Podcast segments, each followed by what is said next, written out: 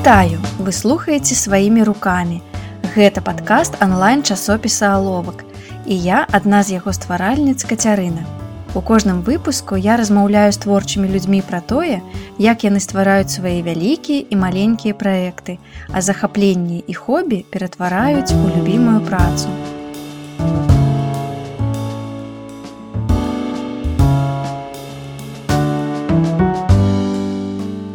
Словах кажется, что я такая прям отважная, и туда, и сюда. Ну, на самом деле это вышло совершенно случайно. Вот такой размах. Да, наш магазин, который начался с 300 долларов, нас обеспечивал. Что с этим делать? Нужно просто продолжать делать. Ну, вот так, такова жизнь человека, который работает на себя. На данный момент я чувствую себя в каком-то всеобъемлющем отпуске. У меня всего лишь одна работа. У меня такого чувства не было 10 лет. Мне очень понравилось. Если мне будет что-нибудь еще рассказать, я с радостью приду еще раз.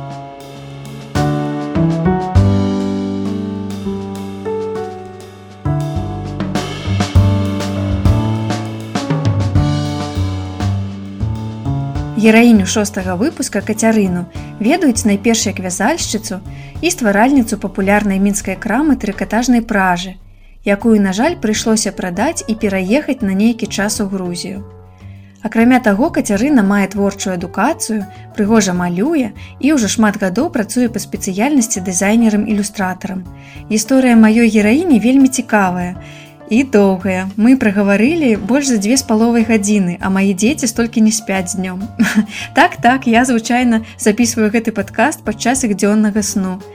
Таму ў выпуску акрамя майго голаса і голаса кацярыны вы пачуеце яшчэ і дзіцячыя. Папярэджваю вас пра гэта загадзя, бо гэта суворая рэчаіснасць майго падкаста. А мне вельмі хочацца, каб падчас праслухоўвання вы адчулі максімальны эфект прысутнасці. Давайте ж пачынаць разблытваць творчы клубок маёй гераіні.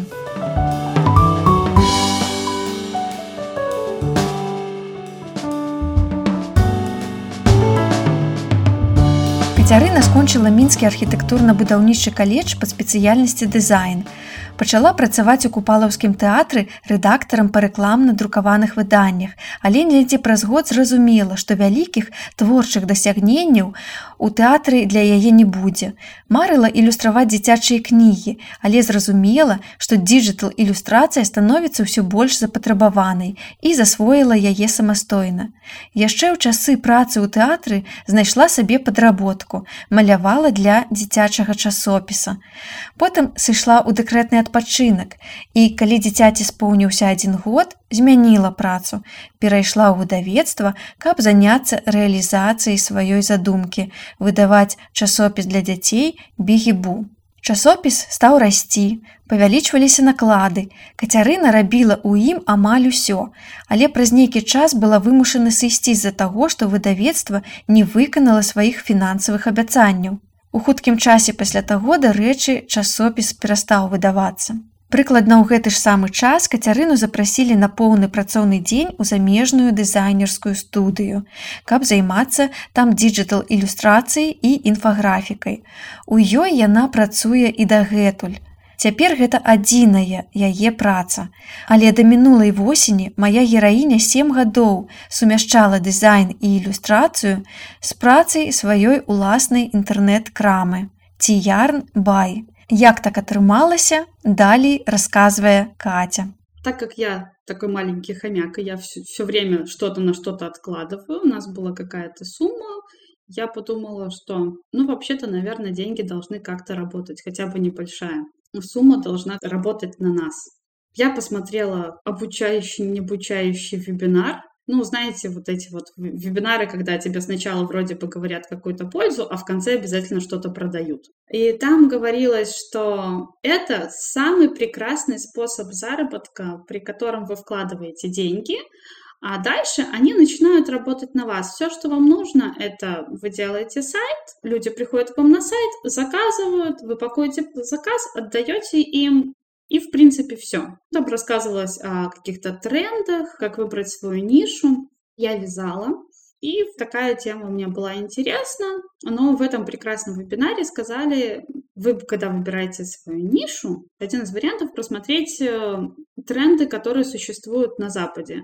То, что у них сейчас там модно, к нам придет вот лет через пять, а вы можете успеть.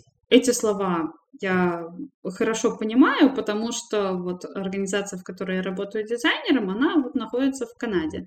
Да, то, что мы там делали 10 лет назад, оно к нам в Беларусь вот только начинает подползать. И я понимаю, что да, это работает. Это работает у них, возможно, это сработает у нас. Я походила по интернету, посмотрела, увидела изделия из толстой пряжи, посмотрела, что это трикотажная пряжа, посмотрела, что у нас такого в принципе нету. На тот момент единственный производитель, которого нашла, это были спагетти, и это были какие-то дикие деньги. Угу. Так, значит, так прошло пара месяцев, и я нахожу производителя России. Я набралась смелости, ну, потому что я всегда всего боюсь. Это, наверное, вот как-то я сейчас рассказываю, на словах кажется, что я такая прям отважная, и туда, и сюда. Но на самом деле я... Ну так. Я дико боюсь людей. Я написала ленте, они мне сделали какое-то предложение, и я решила, что ну надо пробовать. И попробовала. Вот бывает там, человеку повезло, ну или, может быть, это со стороны mm-hmm. кажется, что кому-то повезло. Или, ну, у кого-то что-то легче получается, у кого-то что-то сложнее, а у меня получается ровно настолько, насколько я заработала. То есть вот, если я вот это сделаю, я получу результат. Если я этого не сделаю, я никакого результата не получу. То есть единственное везение в моей жизни, это, наверное, мой муж. Но тут без везения не обойтись во встрече любимого человека. И началось. Началось на тот момент Инстаграма еще не было, началось с группы ВКонтакте. Я в эту группу приглашала людей вот прямо лично. То есть я ходила в группы по теме вязания. Я помню, как я их отбирала. То есть заходишь в самый большой паблик про вязание. А, там можно было сортировать людей по, по местоположению. Я отбирала белорусов и давай им всем писать. Здравствуйте, меня зовут Катя. Самая большая проблема на тот момент была, что никто вообще не понимал, что это такое. Вот, то есть я им такая, у нас есть трикотажная пряжа. Они такие, что это? И я такая, Понятно. Давайте сначала. В общем, я развивала, постоянно делала посты, показывала примеры работ. То есть это был большой кусок работы все это найти uh-huh. и как-то показать. То, что продукт новый, его ни у кого нет, с одной стороны, это очень хорошо, у тебя нету конкурентов, но с другой стороны, вот это проблема информационная, потому что продукт слишком новый, его совсем не знают. Uh-huh. И да, нужно было всем объяснять, да, нужно было со всеми говорить, всем показывать, отвечать э, сто раз на одни и те же вопросы, но мне это удалось, как ни странно, и начал развиваться магазин. В нужный момент э, я нашла чоловіка, который сделает сайт. То бок сайта спочатку не было, а почалося да, все да. с ВК. То есть э, нам, ну, изначально сразу же делать интернет-магазин так как я была не уверена вообще и в uh-huh. продукте, и в своих силах, и насколько это будет востребовано. В принципе, и бюджет, который я выделила на магазин, был совершенно минимальным. То есть все началось там буквально с 300 долларов вложений, которые uh-huh оборачивались, оборачивались. Да, потом мы еще добавляли финансов, потому что ну, нужно было там в ремонт, например, в шоуруме вложиться. Но это уже все потом было. Это все ремонт, шоурум, это все потом. Да, да. Сделали интернет-магазин. Все равно большая часть клиентов была из контакта, но и через интернет-магазин тоже заказывали. Потом в один прекрасный день ну, не особо прекрасный. В общем, все вокруг стали мне говорить, как вас нету в Инстаграме? Это же Инстаграм. Там же все покупают. И началось. Господи, Инстаграм — это страдание. Но как-то со временем ну, не то, что это стало легче. Это превратилось вот в какую-то рутину. Опять-таки, вот то, что я говорила, что у меня, если я не сделаю, я этого не получу. Ниоткуда ничего не берется. Я писала, писала, писала, писала. И да, сейчас мне это все дается легче. Я, в принципе, поняла, что не надо ничего писать и делать, когда тебе совсем вот не идет. То есть не нужно писать о том, что тебе не близко, быть в каких-то трендах. Ну да, я почитывала какие-то гайды, там, советы, то все, и там говорят, вот, если сейчас проходит Оскар, пишите что-то про Оскар. Да господи, я вообще не, не смотрю ваш Оскар. Я не смотрю Евровидео. Я вообще девочка в коробочке. Меня вот вообще лучше не надо трогать. В моей жизни ничего не происходит. И тем более ваш Оскар, пожалуйста. Давайте без вот этого вот. И я поняла, что я из себя не выдавлю то, чего во мне нету. Что я готова транслировать то, что и во мне есть. И может быть это не так, как надо, и может быть это не по трендам, и вот это вот все. Но, в принципе, и так не всегда все легко, а еще из себя что-то выдавливать еще сложнее. Вот, поэтому я решила, что я буду делать так, как приятно мне, так как э, заходит мне, и что было бы приятно делать и видеть мне – Соответственно, у меня так в Инстаграме сложилось, что я чувствую, что ко мне в итоге приходят, ну вот именно в магазин приходили люди, близкие мне по духу. Особенно, конечно, в 2020 году, когда, ну, всем все понятно. И так, да, так. я почувствовала такую поддержку, и что ни одного человека мне не сказала что-то против моего мнения. Я понимаю, конечно, что в принципе это мнение, это чувство большинства, но я знаю тех, у кого были в итоге в соцсетях проблемы, а, что им писали неприятные uh-huh. вещи, а меня это вообще никак не коснулось. И это очень приятно. Ну, про магазин. В общем, когда я поняла, что эта тема развивается, что интернет-магазин работает, и количество мотков, которые мы можем содержать дома, уже переваливает за ту сумму, там уже и шнур под, под, под, подвязался. В общем, угу. когда я поняла, что я живу среди ниток, а самой жить уже негде, мы с Сашей поняли, что нужно куда-то это все вывозить. И так появился первый наш шоурум, он был на Ленинградской. Так мы поработали, наверное, около года. И в этот момент стало понятно, что места уже не хватает, что всего товара уже больше. Мы уже к тому моменту полноценно ввели шнур в наш ассортимент со шнуром было так же, как с трикотажной пряжей, то есть там тоже нужно было долго и упорно всем рассказывать, что это такое и что с ним делать. И мы нашли место на Куйбышева, угу. в горизонте, на Куйбышева 22, закатали все в белый цвет.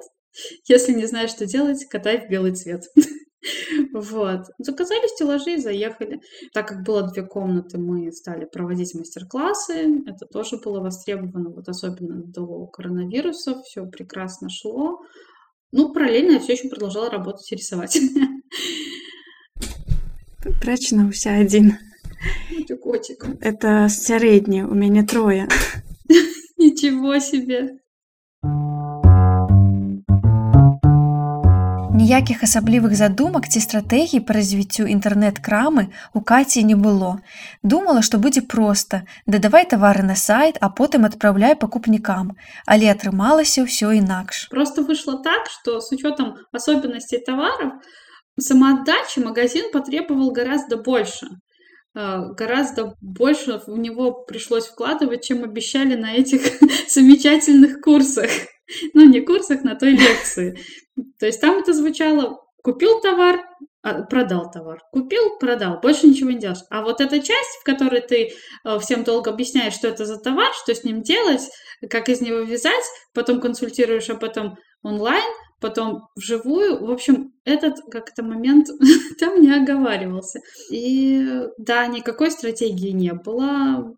И все шло так, как шло. шло. Шло вот как-то от души. Я понимаю, что, скорее всего, есть какие-то более простые пути прийти к тому, что есть. Но у нас вот сложилось так. Мы, в принципе, с Сашей никакие не предприниматели. Ну, на самом деле это вышло совершенно случайно. Вот такой размах для меня это размах, я не ожидала, что так выйдет. Мгм. Получается, что одно зацепило за собой другое. Если никому не рассказывать, никто не узнает. А если рассказывать всем, узнают больше и потребуют от тебя больше отдачи.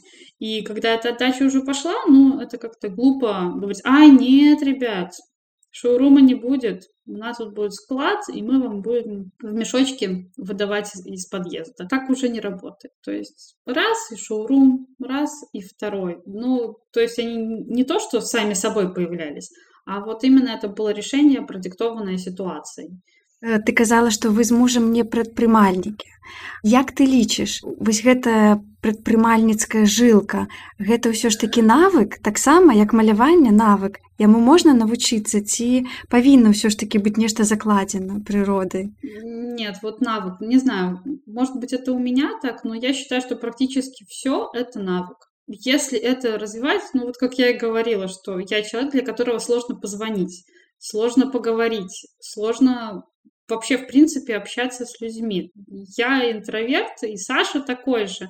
Нам не то, что неприятно общаться, просто мы на это затрачиваем больше энергии, чем получаем. А когда ты начинаешь работать на себя, тебе нужно получать много информации дополнительно, тем более с учетом нашего законодательства. В принципе, в Беларуси это не самый легкий путь и вообще процесс работать на себя. Мгм. Вот, когда ты все сам. Да, это тяжело. Да, нужно вот э, ну, переступить, может быть, через себя. Ну, то, что переступить. Выйти з зоны комфорта. Ой, сначала бы в эту зону комфорта войти, вот, потом уже из нее выходить.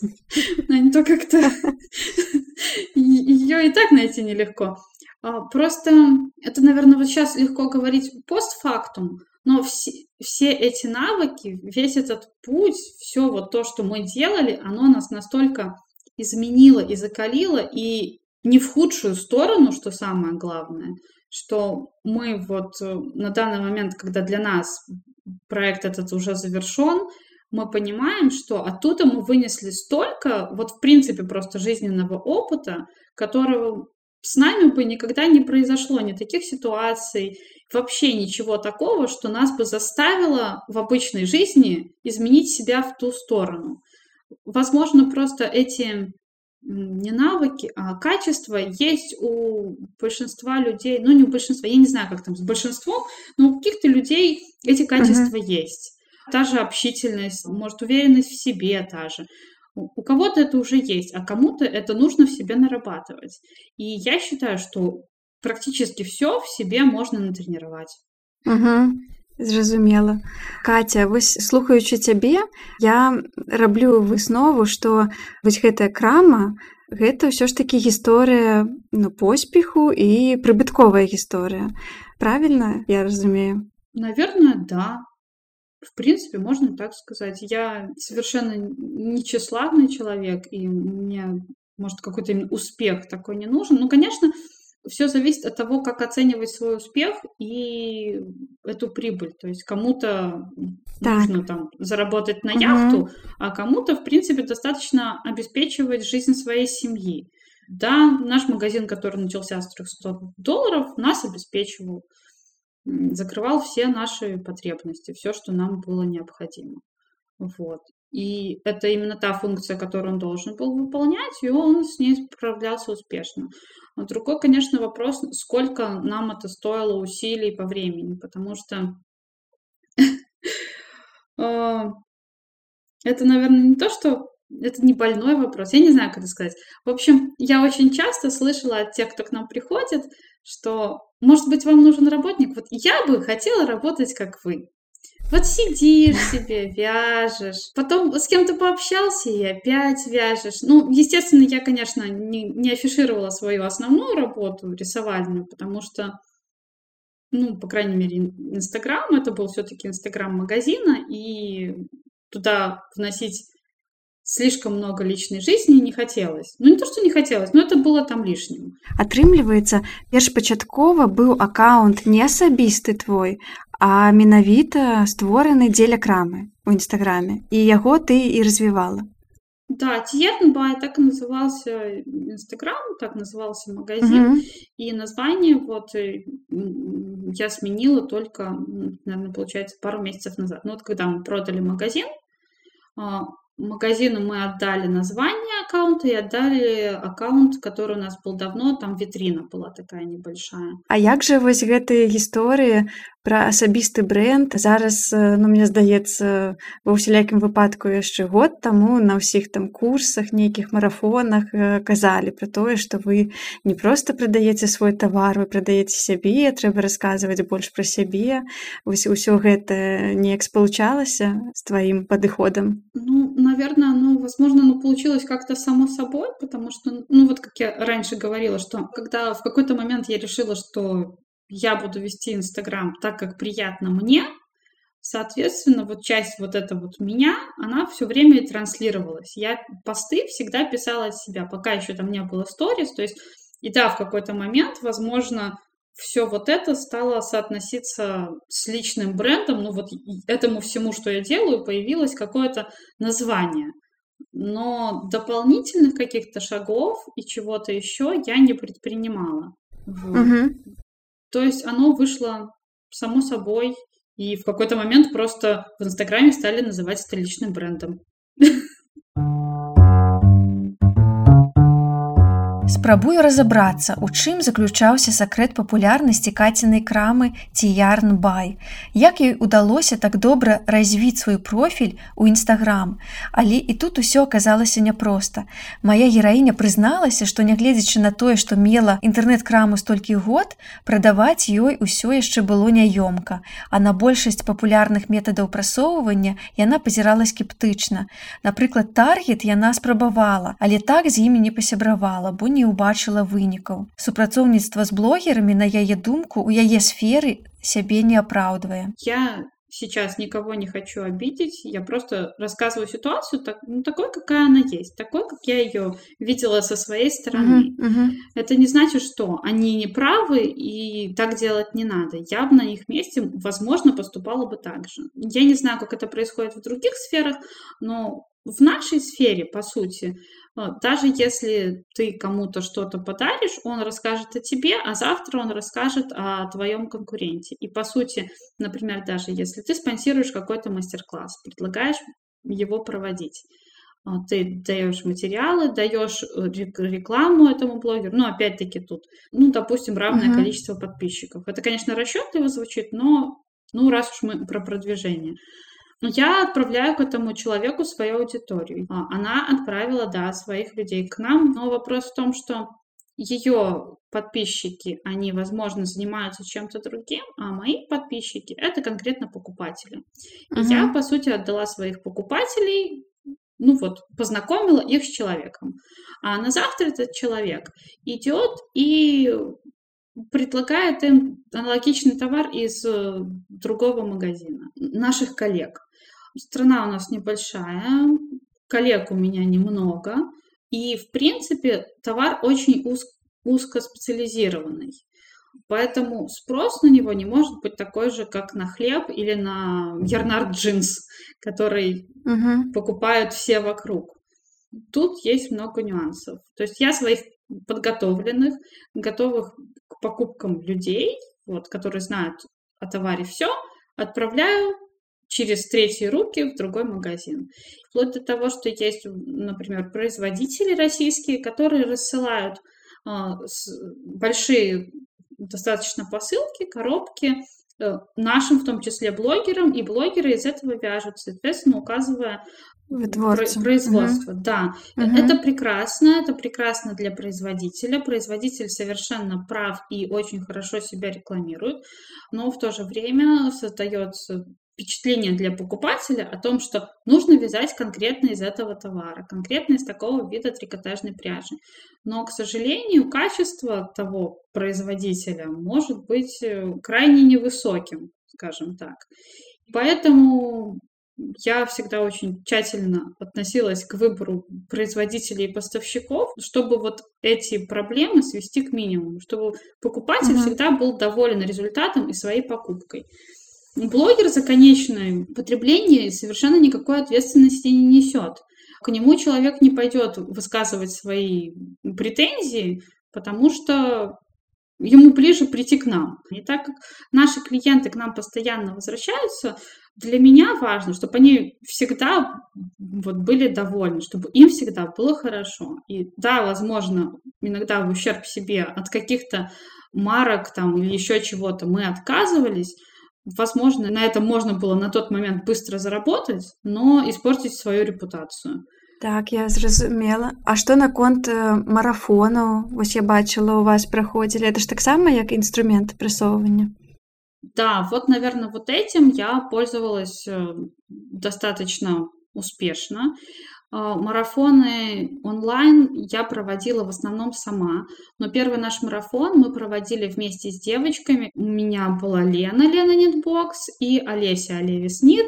Мы с ними организовались, каждый от себя связал изделие, э, снял мастер-класс, и мы приглашали людей поучаствовать в этом марафоне, и можно было купить на тот момент со скидкой у нас э, материалы. Плюс я собрала спонсоров, они достаточно хорошие, и многие откликнулись, и тот марафон, я считаю, был очень удачным.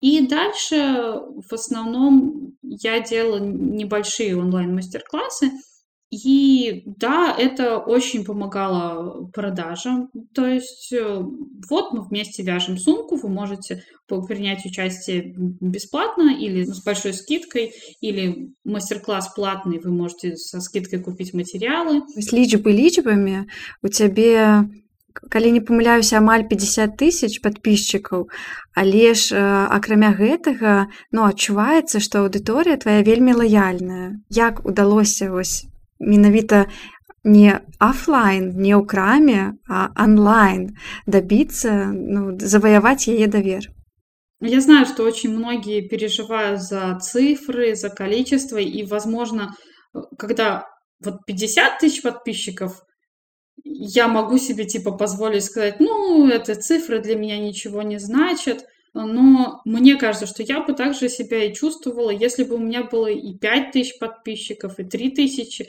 Главное то, какой они дают посыл. При том, что я понимаю, ну вот по статистике, например, у меня не только же все русскоговорящие, так как аккаунт такой, у меня есть э, рубрика «Муза четверга», которая очень хорошо видимо, продвигает мой аккаунт, потому что я ищу мастеров, которые для нашего Инстаграма неизвестны. Вот, то есть эта рубрика дала мне часть подписчиков, которые не русскоговорящие. Они достаточно часто, наверное, попадали в рекомендованные, оттуда приходят ну вот аудитория, которая просто посмотреть. Uh-huh, и uh-huh. я чувствую, что вот есть часть, которая просто посмотреть, а есть часть, которая вот от души, вот просто со мной, и они все общаются. Вось бываюць такія сітуацыі, калі негатыва няма як бы ад падпісчыкаў, але і зваротнай сувязі таксама. Як вось усё ж такі дабіцца не проста падпісак, але і удзелу непасрэднага. Ну, на самом деле, Инстаграм это, в принципе, такая загадочная вещь, в которую догадаться и понять, как они работают, крайне сложно. Что с этим делать? Нужно просто продолжать делать. Делать, потому что если впасть в какую-то депрессию из-за цифр, из-за чисел, вам это ничего хорошего не даст. Безусловно, это неприятно, особенно если аккаунт небольшой, и ты замечаешь, что от тебя люди уходят, это, наверное, гораздо сильнее бьет по какому-то самолюбию, по самооценке. А, люди начинают копаться в себе. Опять-таки, так как я вот общалась с девочками, которые приходят, покупают пряжу и говорят о, об этих проблемах, что ну, у некоторых там чуть ли не нервный срыв, потому что ушло, отписалось 40 человек. А, вот. Понятно, что если ты общаешься с людьми, ну вот как-то личное какое-то, то, возможно, часть людей будет с тобой не потому, что ты что-то продаешь, а потому что интересно следить за жизнью. Uh-huh. Вот.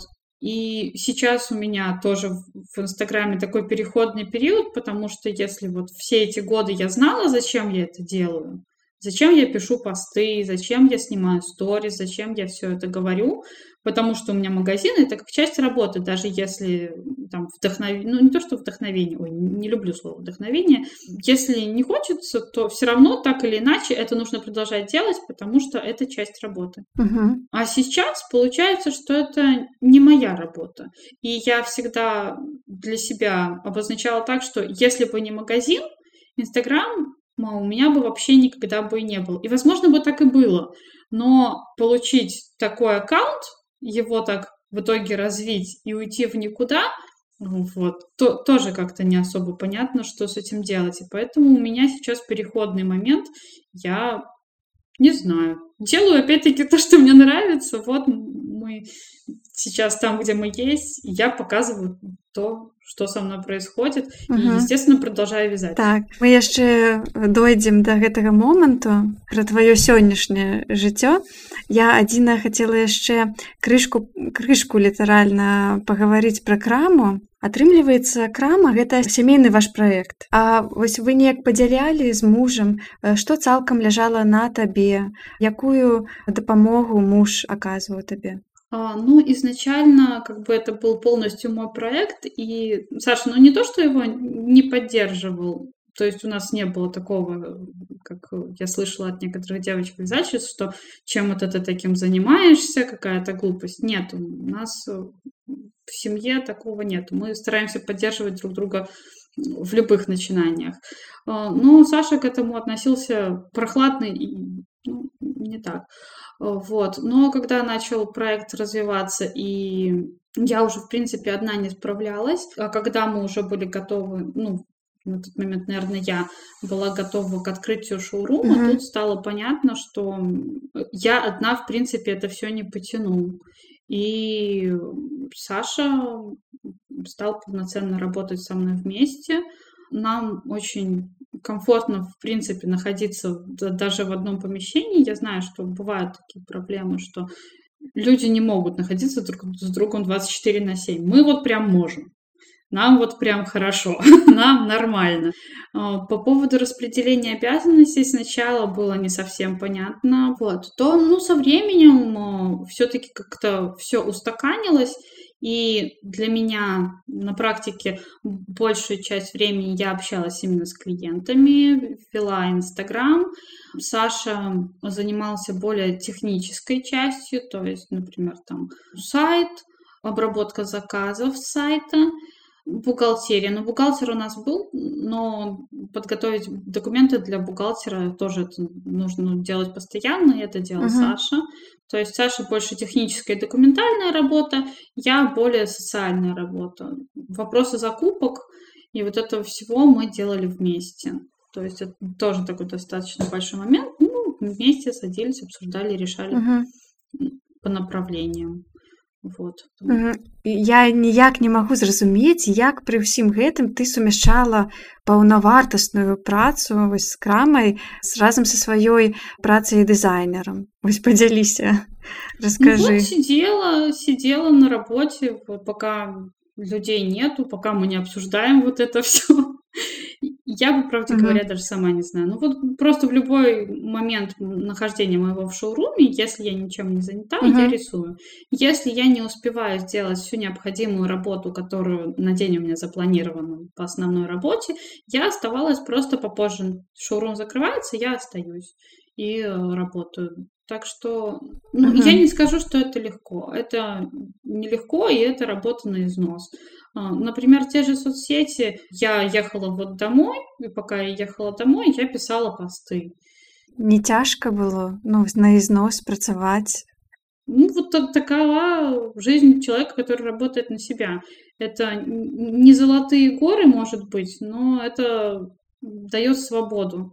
Ты, по крайней мере, не зажат, не то, что не зажат в какие-то рамки, да, ты зажат в то, что ты всегда на работе, потому что даже если ты физически никому не отвечаешь, ты не можешь перестать думать о том, ну, опять-таки, как, какой марафон провести, может, какие-то вот идеи какие-то генерировать, что написать в следующем посте. Ты можешь это, об этом не хотеть думать, но эти мысли все равно у тебя крутятся.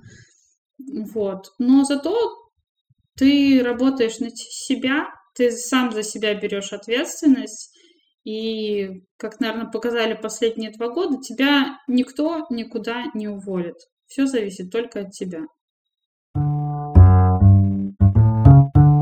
Вяртаемся ў сучаснасць. Кацярына з сям'ёй пераехала ў Грузію зусім нядаўна, у лістападзе 2021 года, вырашыўшы перад гэтым прадаць сваю краму. Кацярына тлумачыць свае рашэнне менавіта аб продажы, а не аб закрыцці, тым, што крама стала паспяховым і жывучым праектам. Нават каранавірусная эпідэмія не змагла іх прыціснуць. Крама не толькі выстаяла, але і здолела развівацца далей. Было б безумоўна шкада закрываць ці ярнбай. Мы, конечно же, понимали, что открывать новый бизнес сейчас в Беларуси это рискованно. Э, и есть шанс просто не найти покупателя, потому что не потому что магазин не такой, а потому что ситуация такова, угу. что это тяжело людям и морально, и материально. Мы даже сделали адресное предложение нескольким э, покупателям, но у них обстоятельства складывались таким образом, что они опять-таки не могли, с учетом ситуации, uh-huh. принять наше предложение. Было очень волнительно и страшно делать вот этот вот пост, писать о том, что мы ищем преемников, потому что, ну, во-первых, был вот этот вот страх, что нужно всем рассказать о том, что мы уходим. Uh-huh. Просто потому что если об этом не сказать, соответственно, мы uh-huh. никого не найдем себе в преемнике. А если это сказать, то ну, оно для себя вот уже звучит, как назад дороги нет. Все. И, ну и, естественно, было волнительно, что а вдруг не купят. Ну, это всегда страшно, когда тебе отказывают. Но мы получили столько откликов, столько вопросов, и я, конечно, понимаю, что одно дело это когда тебя спросят, а почем это, и совершенно другое, что когда тебе уже пишут и назначают на завтра встречи. То есть мы так быстро, мы были совершенно не готовы к тому, что нам уже на завтра нужно будет принимать людей и общаться и рассказывать вообще, что к чему. Опять-таки, это новый опыт. Магазины мы никогда не продавали, не знаем, как это делать, и вообще, что нужно говорить, что кого интересует, что можно говорить, что нельзя говорить. В итоге мы провели за неделю около 15 встреч, а, по несколько людей в день, и это было настолько активно и неожиданно. Мне в этой ситуации очень-очень помог Саша. Это просто... Я была в таком состоянии, что ну, во-первых, это понимание того, что мы скоро уезжаем. Во-вторых, понимание того, что вот строилось 7 лет, то, во что вложено столько времени, силы вообще, в принципе, всего. И сейчас это нужно отдать.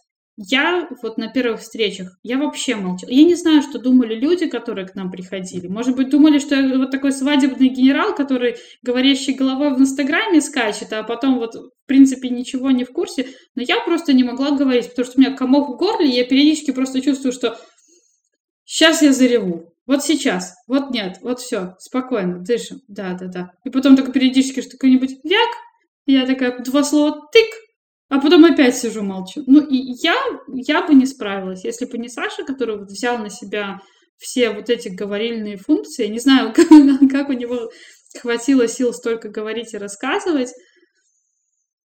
Ну, в общем, мы справились.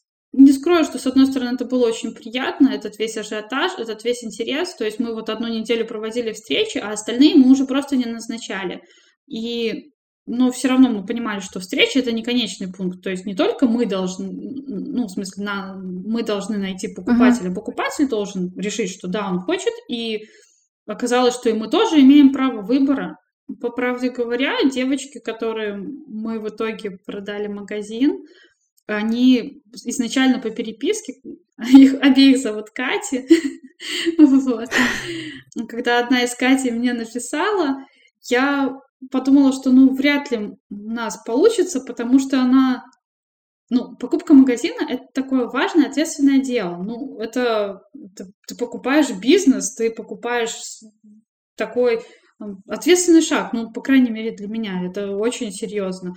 А она мне пишет ночью, что так, только никому не продавайте, давайте вот мы там на понедельник, говорит, на понедельник у нас уже все встречи заняты, на вторник, только до вторника никому не продавайте, я уже кредит в банке взяла, все. Вот. И такое импульсивное, такое порывистое решение, я думала, что, ну, ну, вряд ли, наверное, вот. Возможно, человек даже навстречу не придет, потому что когда ты ночью уже собрался что-то покупать, это же не кофточка какая-то, это же, блин, целый магазин. А когда девочки пришли, и мы с ними пообщались, ну, в общем, мы почувствовали, что, наверное, девочки самый логический, логичный вариант продолжения вот той атмосферы, которую старались дать мы.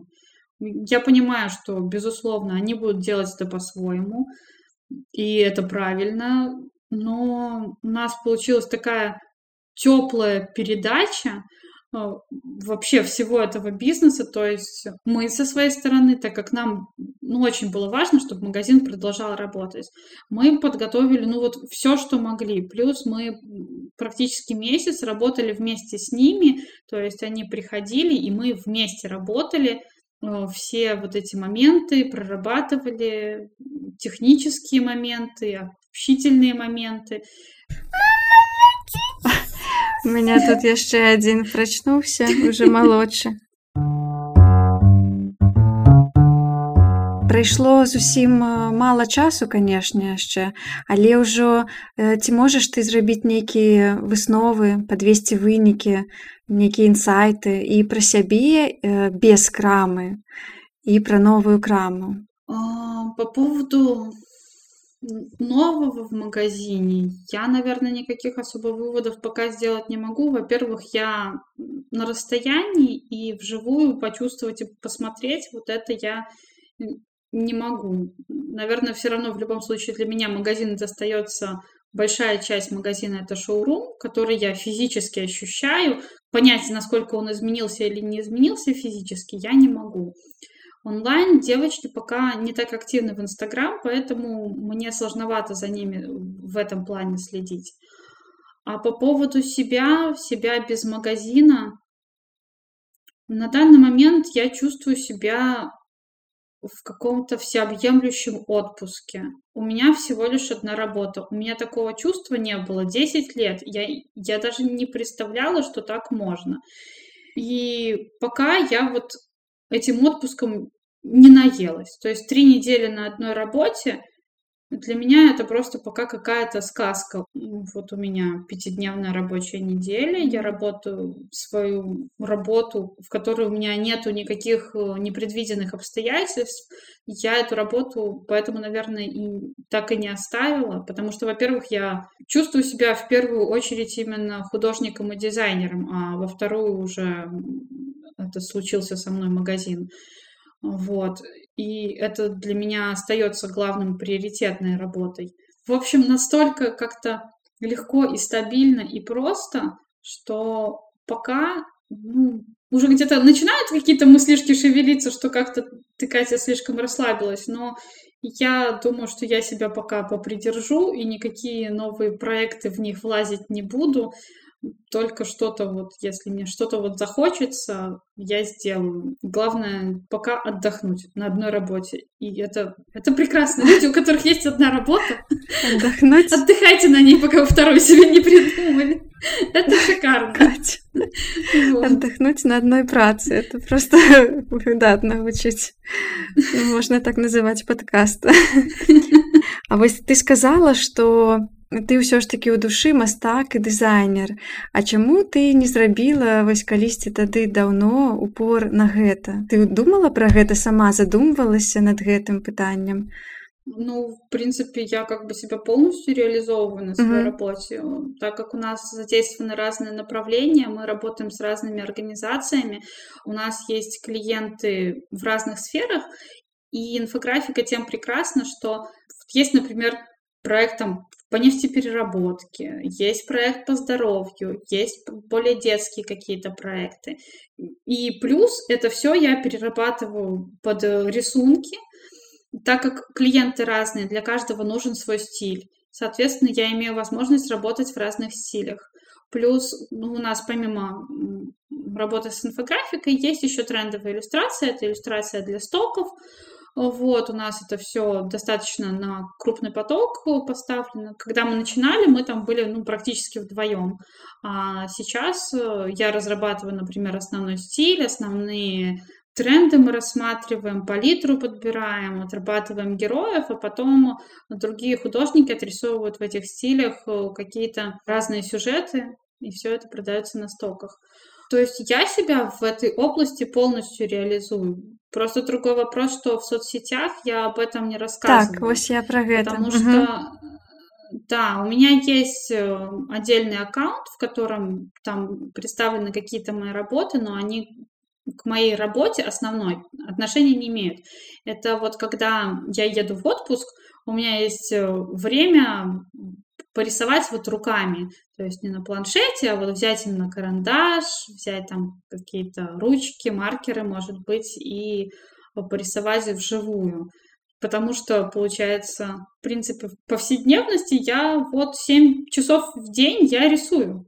Но и сейчас, вот совершенно недавно, вот летом у меня был проект, я его, кстати, только что закончила, э, рисовала книги, ну, тут скорее вот по знакомству, то есть у меня есть автор, ну, мы с ней достаточно давно работаем, она вот просто ко мне обратилась и говорит, ну, Катя, ну, может быть, у тебя вот есть время? Я говорю, ну нету у меня времени. Она говорит, ну может быть есть, мы тут вот возьмем, сделаем одну вот книжечку на 16 страничек. Ну одну, одну, на 16, на 16. В итоге у нас было три книги по 21 странице. Вот. Пытаюся кацярыну пра планы і ў сферы малявання і ў вязальным бізнесе. Мне цікава, ці ёсць верагоднасць таго, што неўзабаве ў Тбілісі з'явіцца крама тэркатажнай пражы ад беларусаў. Здесь именно заводить и растить какой-то бизнес у меня в планах нету, потому что э, мы на данный момент, ну вообще мы в принципе не ехали сюда жить.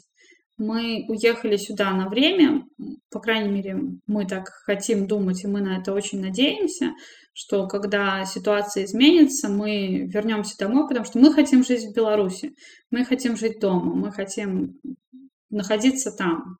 И я надеюсь, что в скором времени это будет возможно.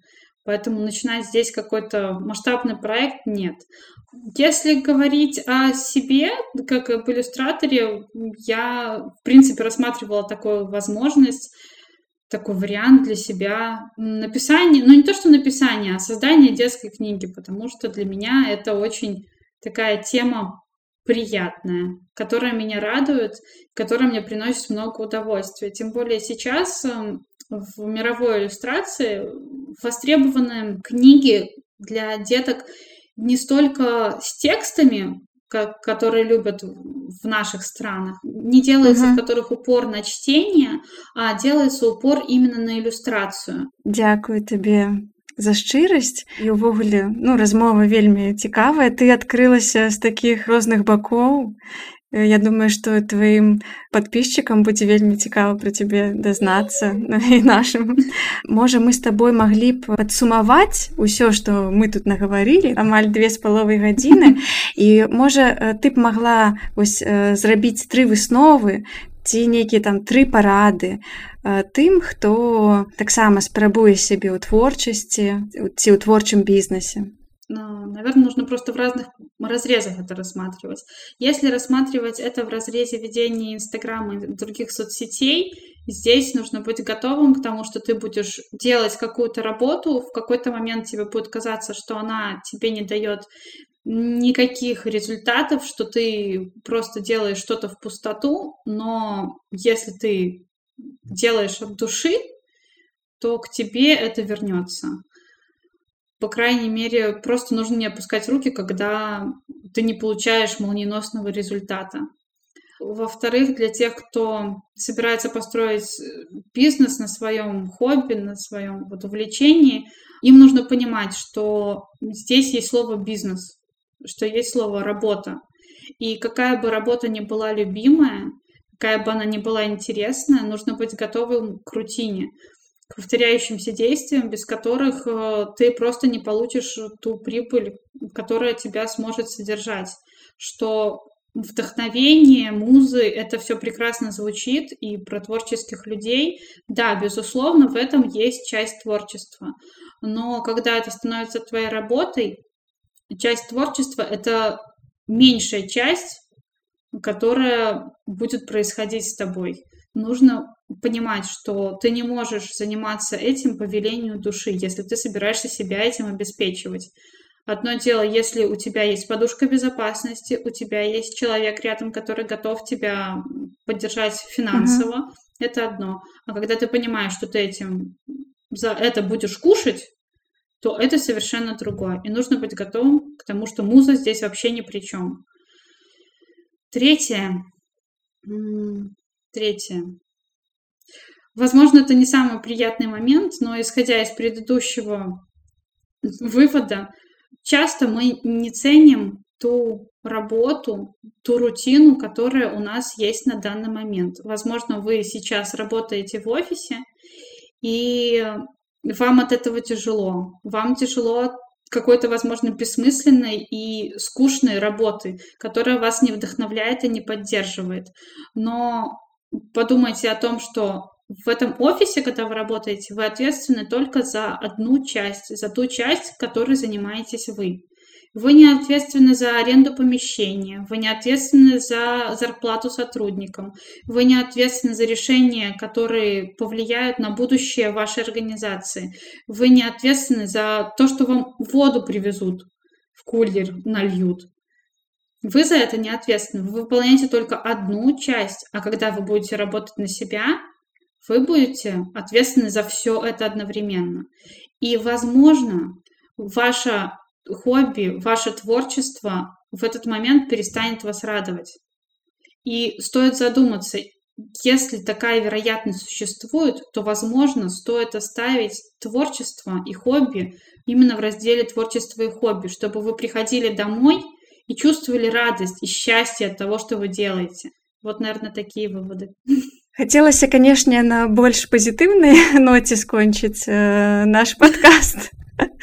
Ну, але калі насамрэч твае парады сапраўды вельмі важныя, яны гучаць сур'ёзна, у іх няма вось гэтых э, заклікаў кідайце ўсё там бяжыце э, за зовам сэрца і рабіце там сваё хобі сваёй працай. Але ну это наше жыццё, яно такое так. Ну, к сожалению, да. Но не то, что к сожалению, это просто, да, вот рациональное зерно, которое, наверное, помог мне выработать магазин.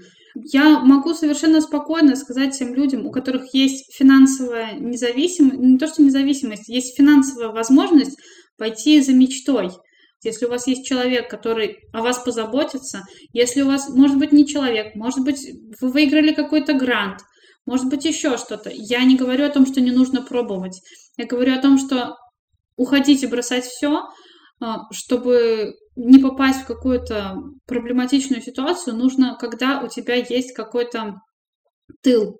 Я скорее из позиции заботы о том, чтобы вы выжили в этой непростой ситуации творчества, потому что творчество это не одни бабочки, это часто большой труд. И о себе нужно заботиться, подумать о, себе заранее, чтобы вам потом было хорошо, чтобы вам было комфортно.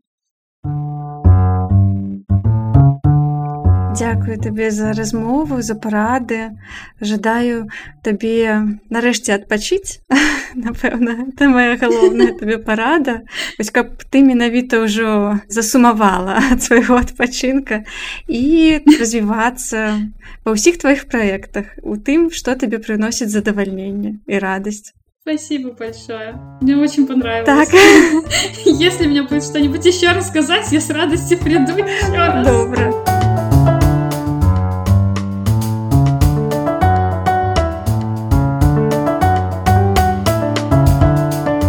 Гэта быў шосты выпуск падкаста сваімі рукамі. У апісанні выпуска вы знойдзеце спасылку на профіль нашай гераіні ў нстаграме. Дзякуй вялікі самым маім адданым слухачам. А вы менавіта такія ёсць, бо чуеце цяпер гэтыя словы, а значыцца даслухалі гэты выпуск да канца. Мне вельмі важная ваша падтрымка, вашыя падпіскі на падкаст, вашыя каментары і водгукі, зорачкі, сардэчкі, якія вы ставіце. І ў мяне з'яўляецца яшчэ больш матывацыі працягваць працаваць над сваімі рукамі і далей.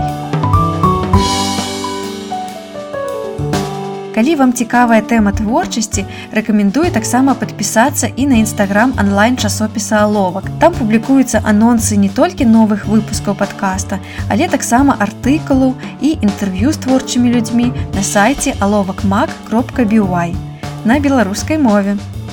Усім пакуль будзем на сувязі.